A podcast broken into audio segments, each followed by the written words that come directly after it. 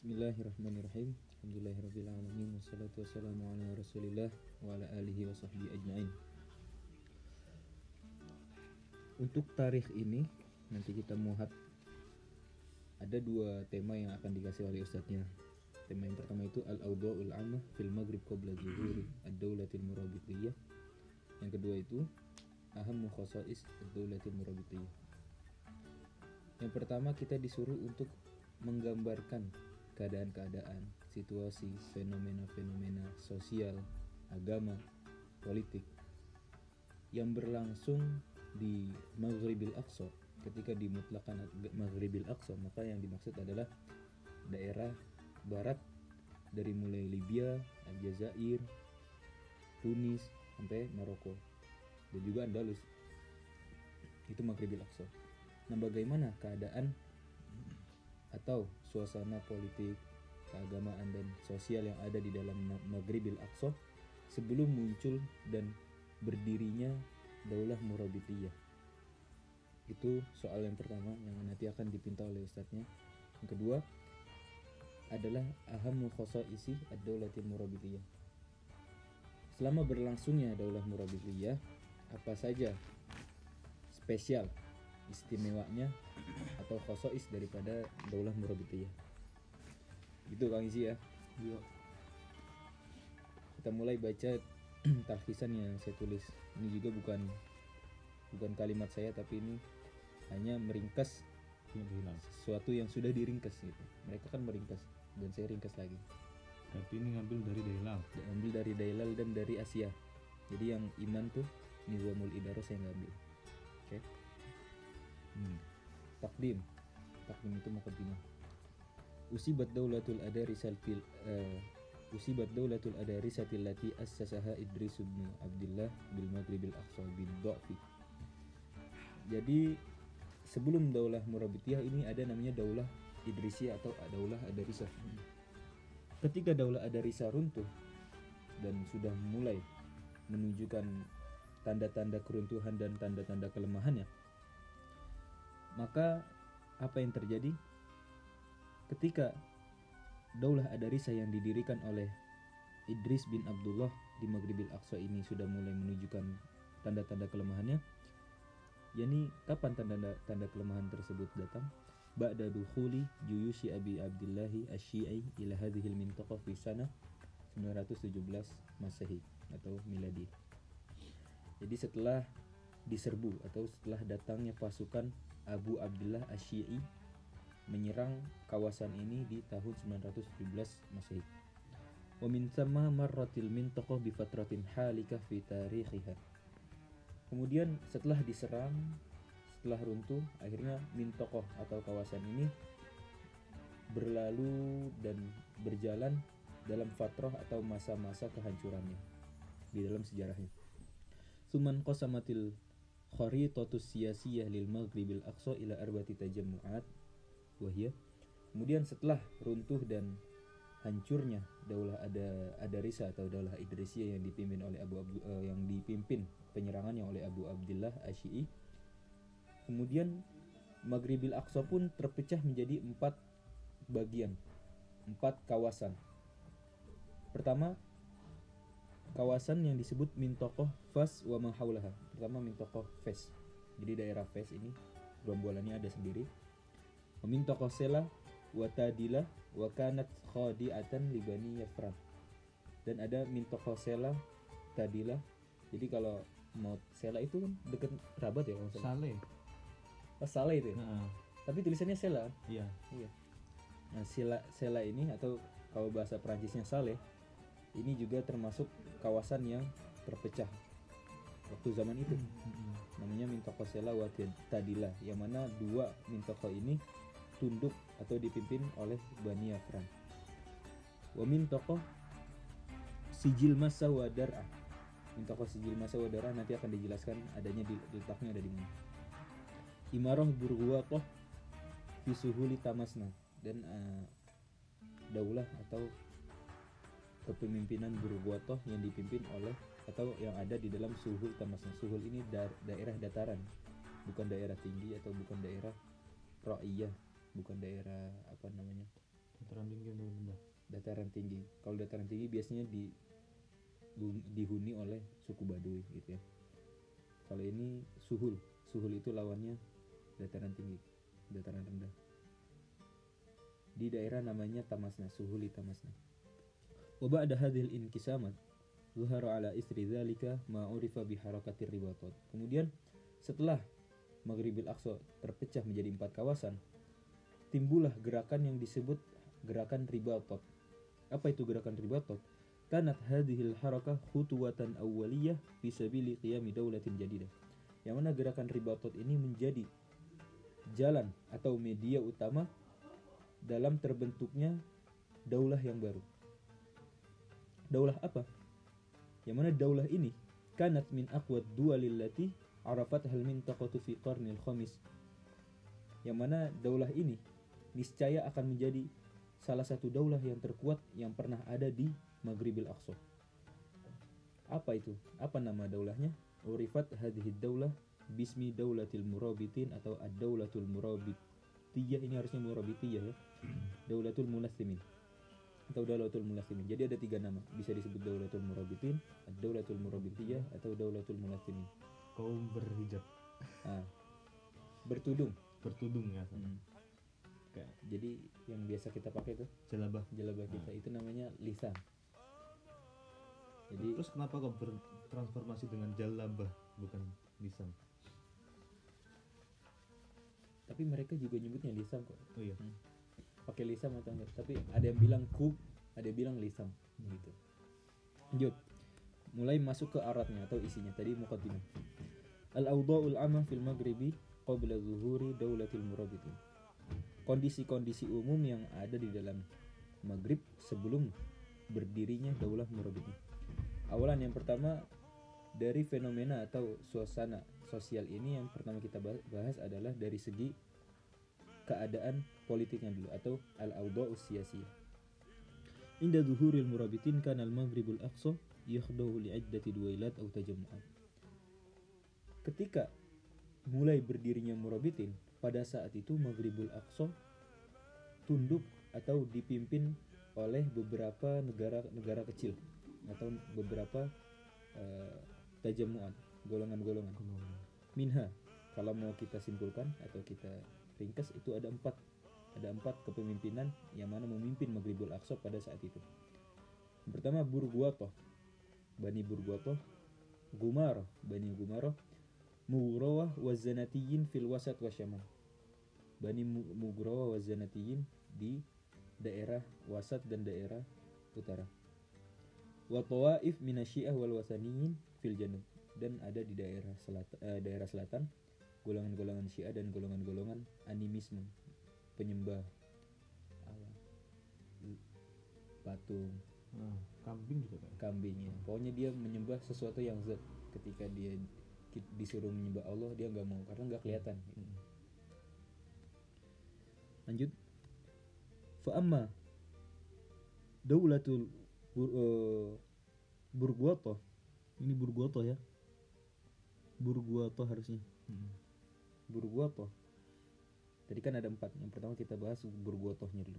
Fa amma badaulatu burguatoh faqad ta'assasat fil qarni tsani al hijri fi tamasna. Jadi bani bani burguatoh ini didirikan pada tahun 2 hijriah di tamasna.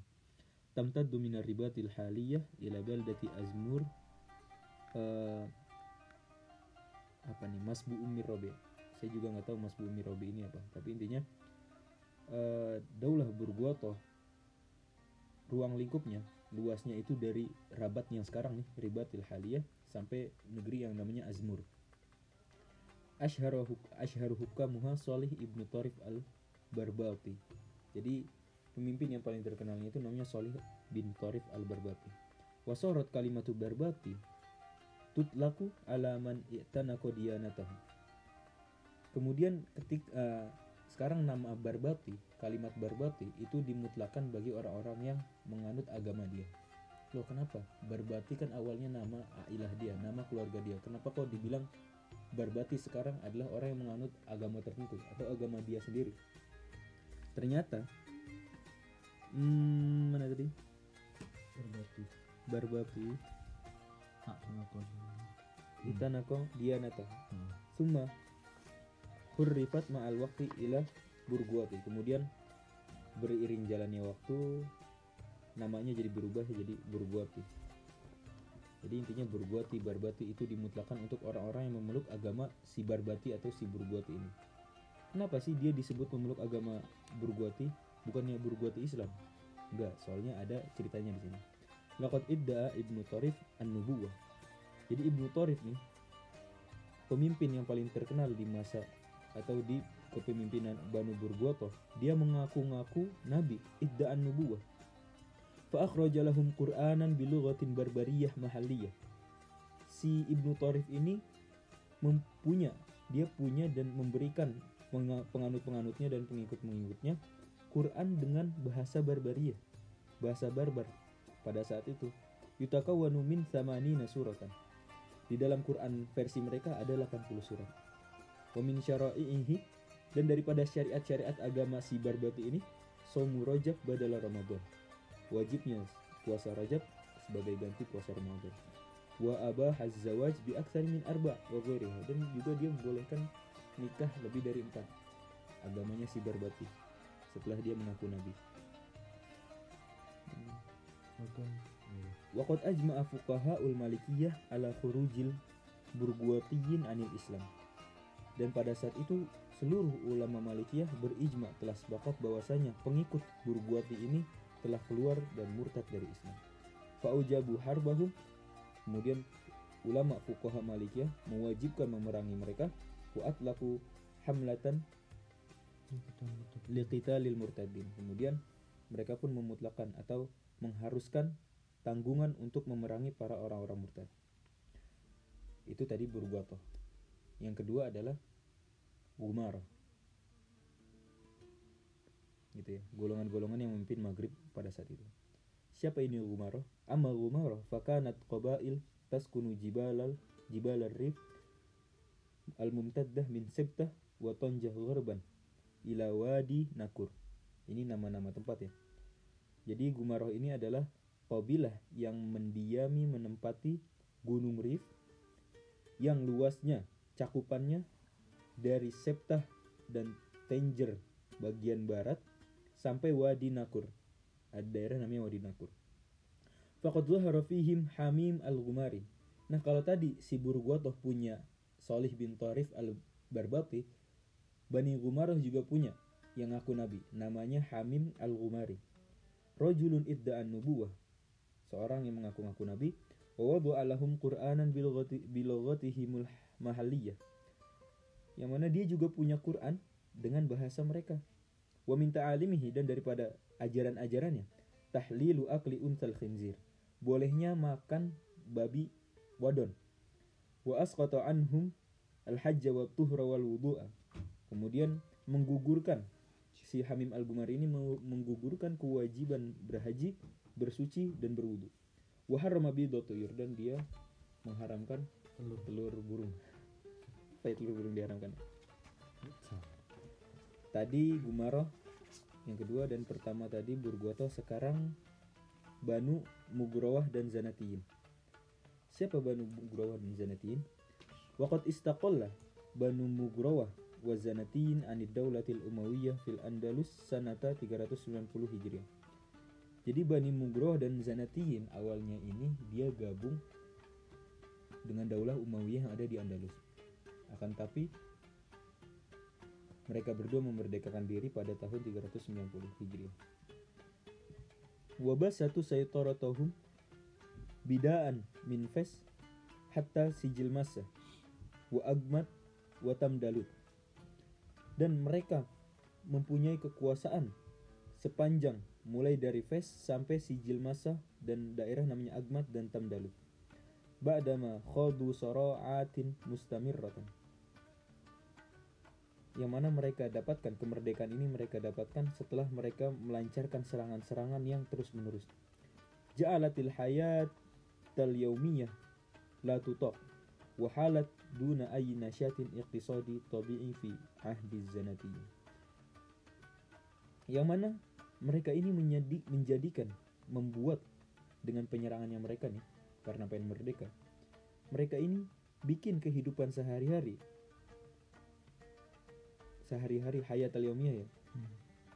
Eh, ya kehidupan sehari-hari lah tutoh tidak mampu untuk dijalani. Dalam artian Berat. berat. Karena mereka perang terus. Wahalat duna ayin nasyatin iqtisadi tabi'i. Dan ke- kehidupan kondisinya berubah total. Tidak ada semangat semangatnya dalam berekonomi Hmm. dan lain-lain. Karena perang ya. Dan itu maklum. Ketika perang keadaan tidak stabil membuat kehidupan sehari-hari menjadi berat dan kehidupan ekonomi juga tidak teratur. Yang mana hal ini? Asyai'ul ladzi istafazza fuqaha'ul malikiyah wa dafa'ahum ila syadi ila tandidi bihadhil wad'iyah wa mu'aradatiha alanan yang mana hal ini merupakan hal yang membangkitkan menggerakkan para fuqaha'ul malikiyah untuk melawan atau mengkritik tandid itu artinya mengkritik.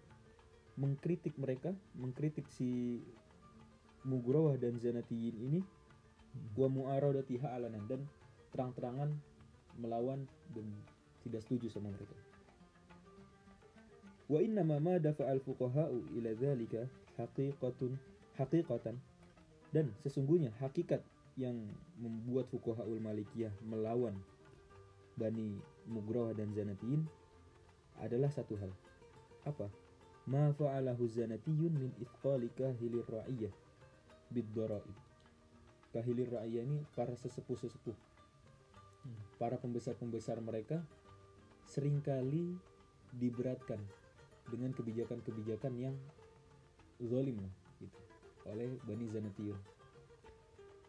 Yang mana ini akhirnya membuat Fuqahul Malikiyah Ingin memerangi. ingin memerangi dan melawan gitu. rezim zalim gitu.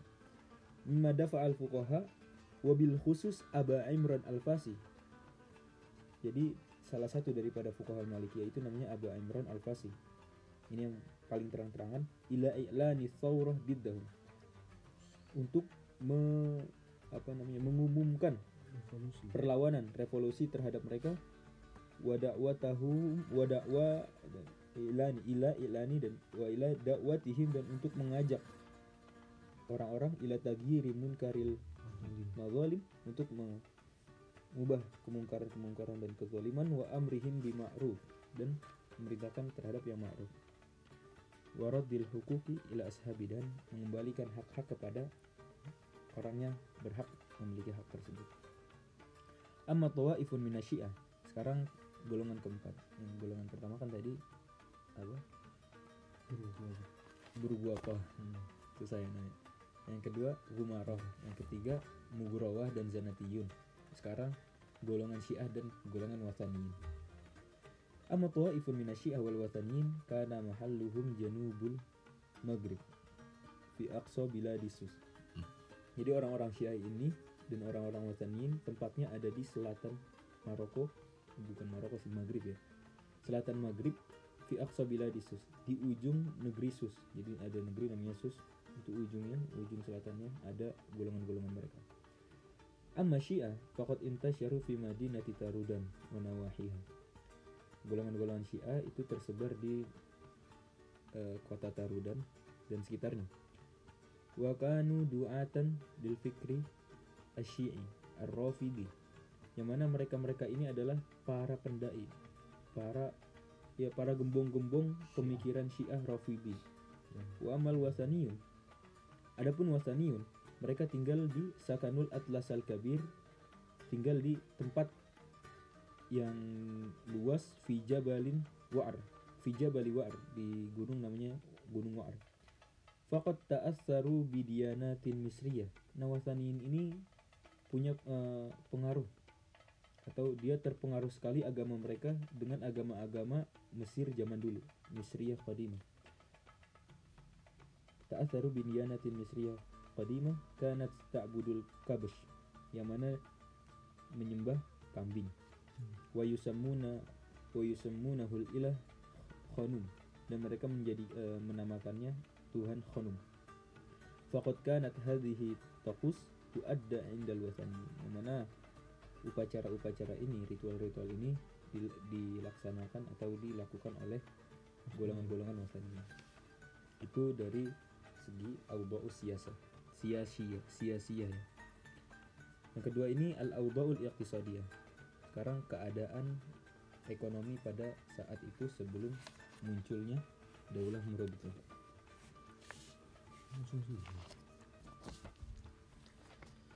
Faqad ittarabal ahwalul iqtisadiyah fil gharbil aqsa ila janibi ittirabil hayati siyasiyah ala nahwil mutaqaddim.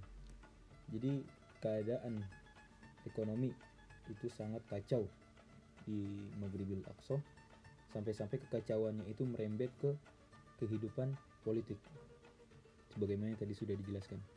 Dzalika annal fitan al-mustamirrah wa thawrat al-mutawasilah wal hurub غير munqati'ah لم tutih lil bilad nau'an minal والاستقرار. Karena fitnah yang terus menerus, faura, gerilya, revolusi yang terus bersambung, peperangan yang tidak ada henti-hentinya, sama sekali tidak memberikan nau'an minal hudu wal istiqrar, sama sekali tidak memberikan ketenangan dan stabilitas bagi negeri. Falamma adimal istiqrar qalla al-intaj wa turbatil awdha'il iqtisadiyah fil bilad. Yang mana ketika stabilitas itu tidak ada, maka hasil produksi pun juga menjadi sedikit. Dan kacau. sangat kacau keadaan ekonomi saat itu di negeri tersebut. Lianna mihwar al-hayatil iqtisadiyah fi hadhihi bi'ah huwa husnut ta'amul wa ta'amuli wa ta'awun bainal manatiqil badawiyah wal mustaqir. Karena apa sih kuncinya hidup eh, keadaan ekonomi yang stabil itu di lingkungan tersebut kuncinya adalah husnul ta'amul wa ta'awun bainal manatiqil badawiyah wal mustaqir. Adanya dan bagusnya ta'amul muamalah juga saling tolong menolong antara orang-orang yang tinggal di kawasan Badui, hmm. kawasan desa pedalaman dengan kawasan mustaqir penduduk setempat.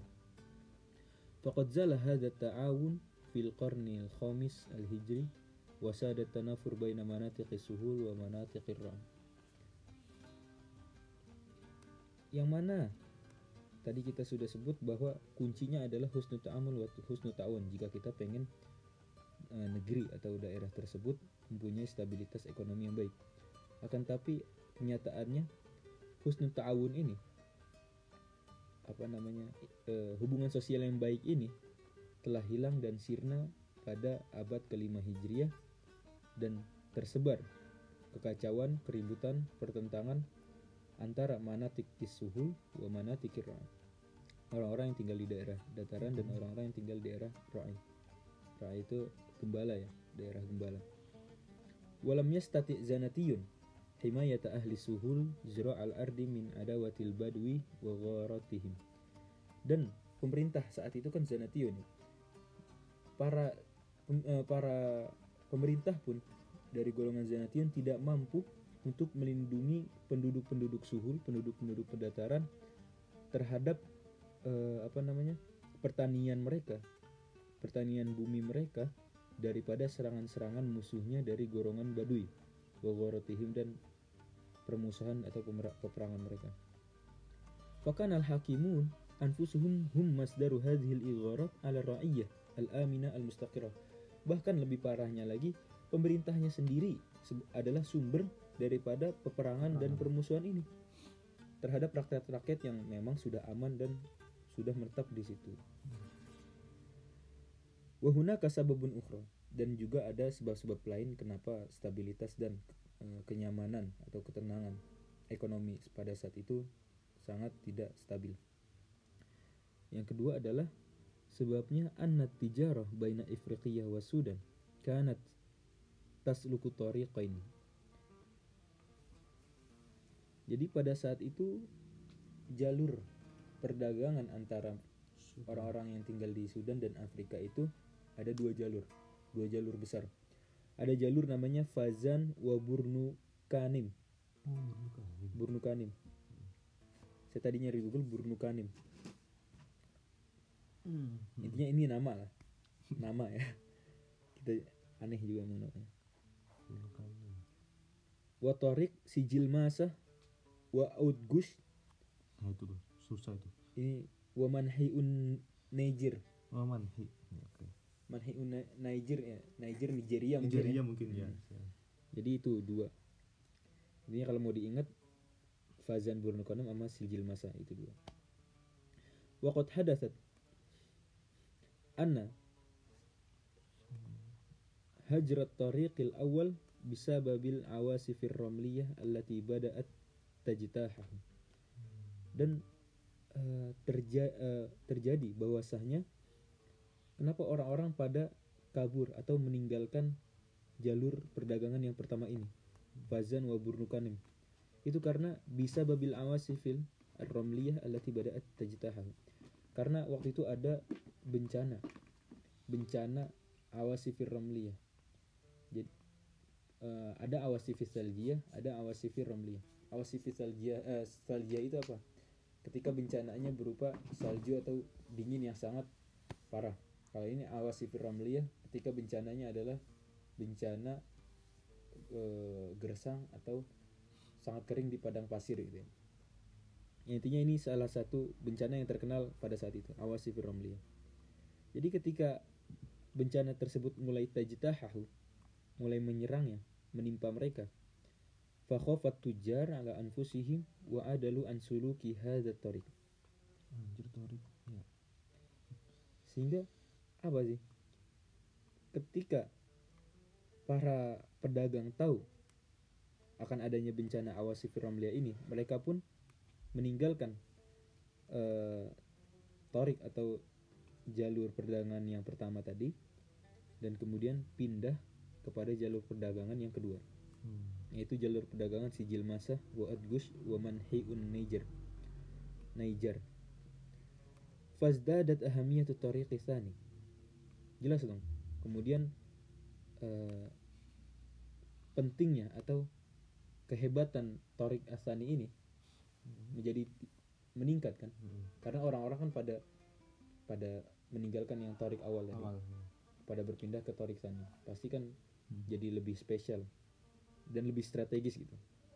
Lebih banyak untungnya. Eh mana tadi? Hmm, wa asbahat sijil masa ala turuqis sahra minasy minasyamal wa agush ala tariqis sahra minal janub min ahamil mudun wa aufariha malan. Sehingga daerah Sijil Masah yang ada di daerah selatan Sahara Selatan dan daerah Otgus yang ada di daerah eh, Janub apa? Selatan Sohro Sijil Masah yang ada di utara Sohro menjadi daerah Hmm. kawasan yang paling strategis. Wa aufari hamalan dan yang paling banyak duitnya. Jelas dong. Orang semua pedagang pada larinya ke situ kan. Faqasadahat tujar min kafatil afaq kemudian para pedagang pun ke sono Hmm. dari segala penjuru tempat min kafatil afaq wa kana hadha tariq yamurru bi diyari qabailil mulathimin. Nah ini ini poin pentingnya. Kebetulan jalur perdagangan yang ini nih yang yang orang-orang akhirnya pada ke situ semua karena torik awal ini kena bencana. Bencana awal sifur Ramliyah kebetulan torik sijil masa ini torik yang kedua jalur yang kedua ini melalui atau di dalamnya itu berisi daerah-daerah rumah-rumahnya orang Bani Mulastimin nah fahtarokuhu akhirnya apa? Bani Mulasimin memonopoli jalur ini. Ya kayak preman lah. Preman punya kawasan pasar. Ya kan? harus bayar misalnya. Bayar bayar keamanan bayar parkir. Jadi premannya waktu itu orang-orang mulasimin di daerah tersebut. Kebetulan. Untung banget pasti mereka. Fahtarokuhu mereka memonopoli farafadu anfusahum lihayatil eh, lihimayatil matajir allati ta'buruhu minal maghrib ila Sudan. Kemudian Bani Mulasimin memaksa, mewajibkan mereka untuk membayar uang himayah al-matajir. Jadi uang untuk jagain pasar-pasar matjar, matajir. Nih duit buat jagain pasar. Kalian harus bayar ke kita gitu. Kita premannya, kita yang jaga. Yang mana eh, matajir tersebut, pasar-pasar itu, pasar-pasar itu melalui Maghrib sampai Sudan. Sepanjang itu jadi kawasannya si Mulathimin semua. Fakanatin natijah antahakamat qabailul mulathimin fi hadzal tarik al-hayawi. Kemudian natijahnya, hasilnya pun eh, qabailul mulathimin memimpin atau dia yang megang kawasan atau torik al-hayawi, torik yang aktif ini.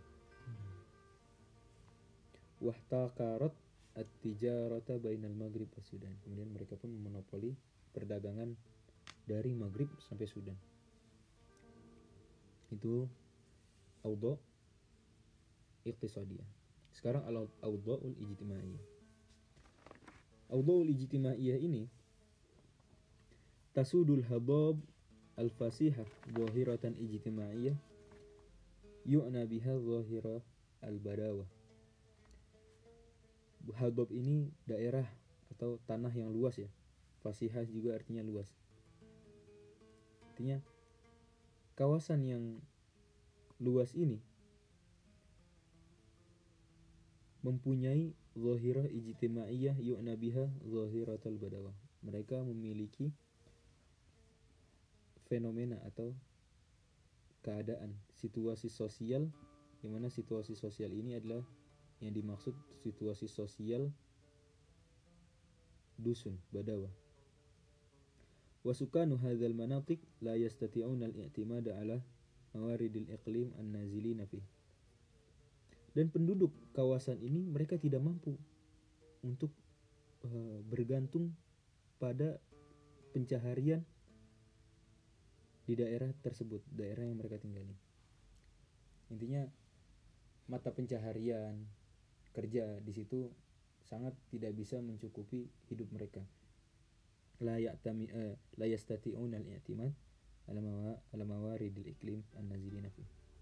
Fayatarruna ila an-naqlati wat tarhal. Sehingga mereka terpaksa harus berpindah-pindah dan eh, musafir terus. Gitu ya. Apa hidup nomaden ya kalau di istilah sosiologi nomaden. Hidup berpindah-pindah uh, untuk mencari mata pencaharian. Intijaan lil akli wa talaban lil mas maisur. Karena mereka butuh makan dan mencari hidup yang mudah. Wa hadhihi zahiratun tahdusu fi kulli bi'atin wa fi kulli asr. Dan kita juga tahu bahwa fenomena ini, fenomena ini selalu ada selalu terjadi di setiap masa dan setiap zaman. Di setiap tempat. Walakinnaha kanat aktsaru inti kanat aktsaru intisyaran fi bi'atil maghribil aqsa. Tapi hidup nomaden ini hidup yang berpindah-pindah paling banyak terjadi itu di daerah maghribil aqsa. Summa amna'atil qabailul maghribiyah fi talabin naqlati wat tarhal ba'da an sya'a istikhdamul ibil. Kemudian pun kemudian mereka pun mulai mendalami atau mulai mengerti, mulai paham eh, bagaimana cara berpindah tempat, bagaimana cara eh, bermusafir, ri, eh, rihlah. Ketika sudah tersebar, ba'da ansya'a istikhdamul ibil. Ketika sudah tersebar atau sudah dipahami orang-orang sudah mulai mengerti bagaimana menggunakan ibil. Intinya ketika uh, penggunaan unta itu sudah masyur, sudah banyak dipakai, akhirnya mereka pun sudah paham lah untuk bagaimana berpindah tempat, bagaimana nyari makan di sini, kerja di sini. Gitu. Faqar faqarubatil masafah walam ta'ud manatiqus sahra sa'bat sa'batul abur. Nah, ketika orang sudah mulai bisa pakai onta, maka jarak menjadi lebih dekat nah korubatil masafah dan eh, kawasan-kawasan sohra kawasan-kawasan gurun lebih mudah untuk dilalui. Jadi tidak sulit lagi. Beda ketika mereka masih belum punya ibil belum punya unta faqad kana fariqun akhar min ahli bilad yanziluna fi suhul sahiliyah yajnahuna ila al-istiqrar wa ta'alluq bil ard. Tapi tadi kan kita bahas ada golongan yang berpindah-pindah ya. Dan mana ketika mereka udah punya ibil mereka udah punya unta pindah-pindahnya jadi gampang. Sekarang ada golongan yang lain. Lebih milih untuk istiqrar. Berdiam di tempat atau berdiam di daerah atau kawasan. Waqad istadda sara baina hadainil fariqaini minas sukan yang mana dua golongan ini juga sering berantem kenapa tuh sering berantem? Bagaimana?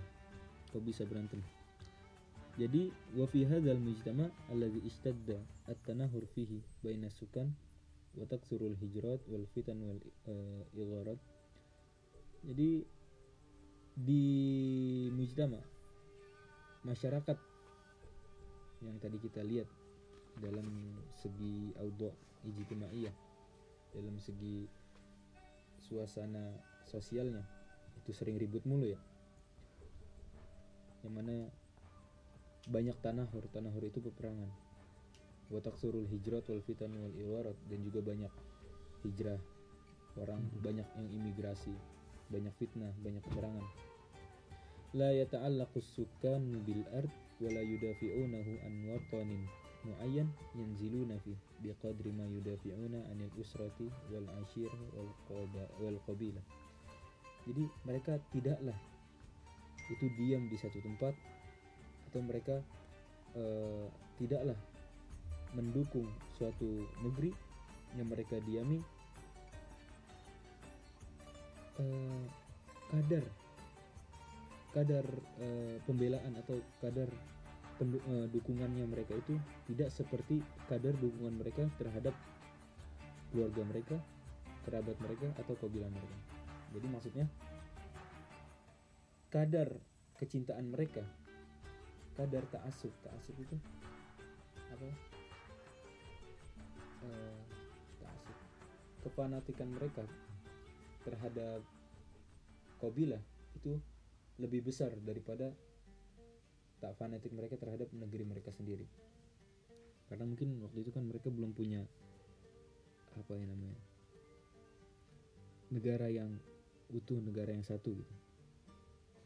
Sehingga salah satu audoul ijtimaiyah, fenomena sosial atau keadaan sosial di zaman tersebut, fakat asbahat qabilah, fakat asbahatil qabilah mihwarul hayat fil mujtama la yastati'ul fardu an ya'isha fihi illa muntamiyan ilaiha tashuddu azrahu wa tahmihi min syarri adwanil mujtama'atil ukhra sehingga qabaliyah Qobaliyah itu adalah kesukuan adalah pusat kehidupan masyarakat pada saat itu. Dalam artian seseorang individu tidak mampu untuk hidup kecuali ya ketika mereka bergabung terhadap kabilah. Mereka punya kabilah yang mana kabilah tersebut akan menguatkan kekuatan mereka mempererat kekuatan mereka dan kabilah tersebut akan melindungi mereka dari kejahatan musuh-musuh masyarakat yang lain. Jadi kobaliyah sangat penting. Kesukuan pada saat itu sangat kuat. Di sekiranya individu tidak dapat hidup sendiri kecuali butuh kabilah yang mendukungnya dan membacking dari belakang. Yang keempat al-auda'u as-saqafiyah wal fikriyah. Keadaan budaya dan keilmuan. Pemikiran. Inal harakata saqafiyah ma'a ikhtilafi madluliha al-khas wal 'am lam tashhad hayawiyah jadi eh, nilai-nilai kebudayaan pada saat itu bersamaan dengan perbedaan madlulnya pembahasannya yang khos ada yang am. Itu eh, tidak menyaksikan. Dalam artian kita tidak melihat bahwasanya sakofia nilai-nilai kebudayaan itu hayawiyah hidup atau aktif. Kenapa? Kenapa nilai-nilai kebudayaan itu pada saat itu dianggap tidak aktif? Walam yuwakibuha inbi'ath dan juga tidak disokong oleh motivasi atau pengaruh-pengaruh sehingga membangkitkan nilai-nilai kebudayaan tersebut. Walam takum laha qaimatun tudkar dan tidak ada nilai-nilai yang berarti pada saat itu terhadap nilai-nilai kebudayaan. Wa innama asabaha jumudun. Menimpa mereka apa? Jumud. Pemikiran jumud, pemikiran terbelakang. Warukudun sama terbelakang. Wantabaha syalalu utli risalatiha. Syalal itu eh, kegagalan. Ah, Utl itu kerapuhan. Ya, intinya maksudnya begitu. Intinya nilai-nilai kebudayaan mereka tertimpa oleh sifat-sifat kerapuhan dan kelemahan, kejatuhan. Wa asabaha bil uqmi asyibhi kamil. Dan juga mereka terkena musibah uqm. Uqm itu kekeringan atau krisis asyibhi kamil yang derajatnya sampai sempurna. Krisis total, hampir total asyibhi kamil. Wa ataroha futurun mumillun. Dan juga menimpa mereka futurun mumilun keadaan yang membosankan keadaan yang pasif. Bisnisna itilka al jadadat nah mumilun berhenti di sini. Walaupun kita tahu bahwa nilai-nilai kebudayaan dan nilai-nilai fikriyah gerakan-gerakan keilmuan itu lemah pada saat itu tapi kita juga mengecualikan daripada hal tersebut bahwasanya ada juga nilai-nilai sakofiyah dan fikriyah yang masih hidup dan masih tumbuh kuat pada zaman sebelum munculnya murabitun. Yaitu bisnisna itil kal jadadat yang mana dikecualikan daripada serpihan-serpihan tersebut min ulumil fiqhi wa tashri'i wa ilmil hadith allati kana yurawidu majalatiha rawadun qalilun. Maksudnya rawadun qalilun ini di sini ulama. Kembali lagi tadi kita kecualikan terhadap hal-hal yang rapuh tadi tersebut. Karena ada serpihan-serpihan daripada ulumul fikhi terus tashri ilmu hadis yang mana dibahas atau di ya dapat perhatian lah terhadap majalahnya terhadap uh, pembahasan-pembahasannya oleh para ulama. Rawadun qalilun wal mulahadah kemudian mulahadahnya kesimpulan yang, yang dapat kita ambil. Inna ihtimam al maghari wa bil bil fikhi kana mansaban atau markazan bisa diganti. Wa markazan bi suratin khassa ala al fiqh al maliki bid darajatil ula kita bisa simpulkan bahwasanya ihtimam maghribah ihtimam orang-orang maghrib pada saat itu terhadap sisi atau uh, ya dari segi fikih itu bermarkas berpusat dalam gambaran yang khusus khusus. Khusus terhadap apa? Khusus terhadap fikih maliki. Bidarajatil ula. Derajatnya yang pertama. Untuk fikih maliki pada saat itu. Wahada fima yata'allaqu bil ibadati wal muamalat. Dan ini fikih yang berhubungan dengan ibadah dan muamalah. Ila anna zahirata saitaratil madhhabil maliki. La tu'na anna al madhahib al ukhra lam takun wajadat fi hadhihi ad-diyar lam takun wujidat ya lam takun wujidat fi hadhihi diyar tapi adanya zahirah adanya fenomena atau kondisi uh, dominannya madhab Malik di negeri Maghribil Aqsa ini tidak berarti bahwasanya mazhab-mazhab yang lain itu tidak ada di tempat ini. Karena fa inna waqi al-maghrib lidzalikal hudud yu'akkidu anna madahib fiqhiyya ukhra siwal madhabil maliki kanat tumaras amaliyan. Karena letak maghrib yang ada di situ perbatasan-perbatasan yang ruang lingkupnya ada di situ itu menguatkan atau meyakinkan kepada kita bahwasanya mazhab-mazhab fikih yang lain selain mazhab maliki juga tumaros dipraktekkan secara amalia meninjau dari sisi geografisnya. Idgana lil madhabil kufi wal syafi' wa syafi'i atba'un wa ansar. Karena pada saat itu di Maghribil Aqsa madhab kufi dan madhab syafi'i juga ada pengikut dan ansor-ansornya wa kana banu midror midror ya. Wa kana banu midror hukam hukam musijil masah ya'tanikun al madhhab al khariji. Oh, juga ada eh, penguatnya.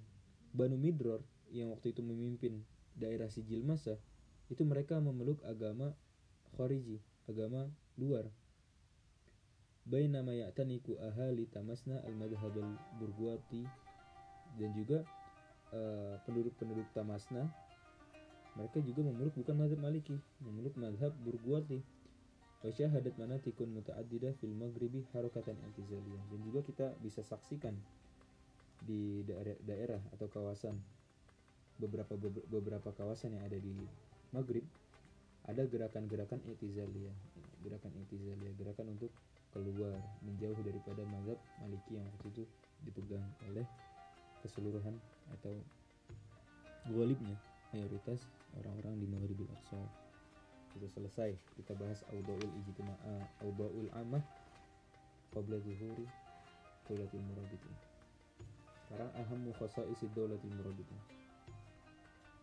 apa sih khasa'is atau spesialnya daulah Murabitiyah yumkin hasruha fi niqati tali. Yang mungkin kita simpulkan di apa namanya poin-poin berikut ini ada tujuh poin. Poin pertama spesial istimewanya mazhab, mazhab daulah Murabitiyah. Nashrul aqidatil islamiyah bainal barbar fil maghrib al aqsa ba'da an qadal murabitun ala madahiri ad-dhalali wa al-inhiraf penyebaran akidah islamiyah penyebaran akidah Islam yang solih selamat kepada orang-orang barbar di Maghribil Aqsa setelah sekian lama orang-orang murabitun menghabiskan waktu terhadap hal-hal yang sesat dan hancur gitu. Jadi dulu murabitun sejarahnya mereka adalah orang-orang yang ya hidup dalam mazahirud dolal. Hidup dalam kesesatan dan kehancuran. Tapi beriring jalannya waktu mereka menyebarkan akidah Islamiyah yang benar dan selamat kepada orang-orang barbar. Kedua, mujtama'il barbar mithlul amri bil ma'ruf wan nahyi 'anil munkar wa tatbiqun nizamil mali al-islami mithla akhdhil jizyah wa zakah. Dan juga penerapan syariat Islam terhadap orang-orang barbar seperti amar bil ma'ruf, memerintahkan terhadap ke- kebaikan, melarang terhadap keburukan, dan penerapan syariat syariat Islamiyah, syariat-syariat Islam yang berkenaan dengan harta seperti jizyah. Jizyah itu pajak atau zakah. Zakah. Jadi Islam secara harta, secara mal juga diterapkan. Yang ketiga, inayatul murabitin bil quwwatil askariyah fi bina'il jayshi wal astul wa iqamatil husunil qawiyyah haula al muduni khasatan al mudunus sahiliyah. Dan juga eh, Daulah Murabitiyah sangat memperhatikan kekuatan dan pengembangan militer. Hal itu dapat kita saksikan mereka bina iljais. Mereka membangun pasukan, bangun tentara. Wal astul, astul itu eh, apa? Kalau militer yang di laut tuh disebutnya? Ya astul itu militer laut lah. Ya angkatan lautnya juga kuat. Wa iqamatil husunil qawiyah. Dan mereka juga mendirikan benteng-benteng yang kuat di sekitar kota-kota. Khususnya di kota-kota pesisir. Mereka membangun benteng-benteng. Yang keempat taksimud daulah ila qismain. Mana murabitun waktu itu membagi kekuasaannya menjadi dua negara. Daulah al maghrib wa asimatuhu Marrakesh pertama negerinya Maghrib asimahnya atau ibu kotanya Marrakesh dan negeri keduanya Andalus ibu kotanya Kurtuba. Wal ihtimam bil qada'i wa istiqlalihi istiqlalan taman dan mereka sangat ihtimam terhadap qada wa istiqlalihi terhadap kebijakan dan kemerdekaannya istiqlalan taman dengan sebenar-benarnya kemerdekaan. Jadi semua independen dia. Tidak tidak ada yang interven, intervensi. Tidak ada pihak-pihak luar yang mempengaruhi kebijakannya. Karena mereka telah benar-benar merdeka. Lahir dan batin. Insya Madinati Marrakesh wallati addat ahada marakizil hadarati wa thaqafati islamiyah fil maghrib al-aqsa. Dan juga di Daulah Murabitiyah ini pertama kali diciptakan atau didirikan negeri Marrakesh yang mana negeri Marrakesh dianggap sebagai negeri atau pusat kebudayaan dan pusat hadar pusat peradaban Islam yang ada di Maghribil Aqsa. Yang terakhir, al-inayatu bil harakatil ilmiyah hina sara'a hina sara Jami' Yunus bin Tashfin markazan ilmiyan bil ilmi wal ma'rifah. Dan Daulah Murabitiyah juga sangat memperhatikan terhadap gerakan-gerakan ilmiah, gerakan-gerakan keilmuan. E, gambarannya itu Jami' Yunus bin Tashfin. Jadi uh, jami. Jami itu ya masjid bisa berfungsi sebagai masjid bisa berfungsi sebagai madrasah. Miliknya Yunus bin Tashfin itu menjadi markas utama markas uh, utama keilmuan orang-orang pada belajar bagi tulabul ilmi wal ma'rifah jadi para santri-santri penuntut ilmu markas utama mencari ilmunya ya di Jami Yunus bin Tashwin tersebut gitu. Ini salah satu yang menandakan bahwa Daulah Murabitiyah, Murabitiyah sangat memperhatikan dan sangat inayah terhadap keilmuan. Marrakesh bi mujalasatil munazarah allati yahduruha al-amirul murabiti nafsu. Yang mana juga kota Marrakesh terkenal dengan mujalasah tongkrongannya munazar munazar ya berdebat keilmuan diskusi keilmuan. Yang mana pernah dihadiri didatangi langsung oleh ya pemimpin murabitinya tersebut sendiri jadi Khalifah Murabitiyah pernah datang langsung ke mujalasa ilmiah tersebut. Waqat waqad hadzal fuqaha biqadrin kabirin min dan juga para fuqaha dengan kadar dengan kekuatan yang sangat besar juga sudah mencurahkan segala macam riayah kepedulian perhatian terhadap ilmu di zaman Daulah Murabitiyah seperti itu. Selesai ya. Mungkin segitu aja. Insya Allah nanti di episode lainnya kita bahas yang lain. Macam-macam pembahasan. Terima kasih. Wassalamualaikum warahmatullahi wabarakatuh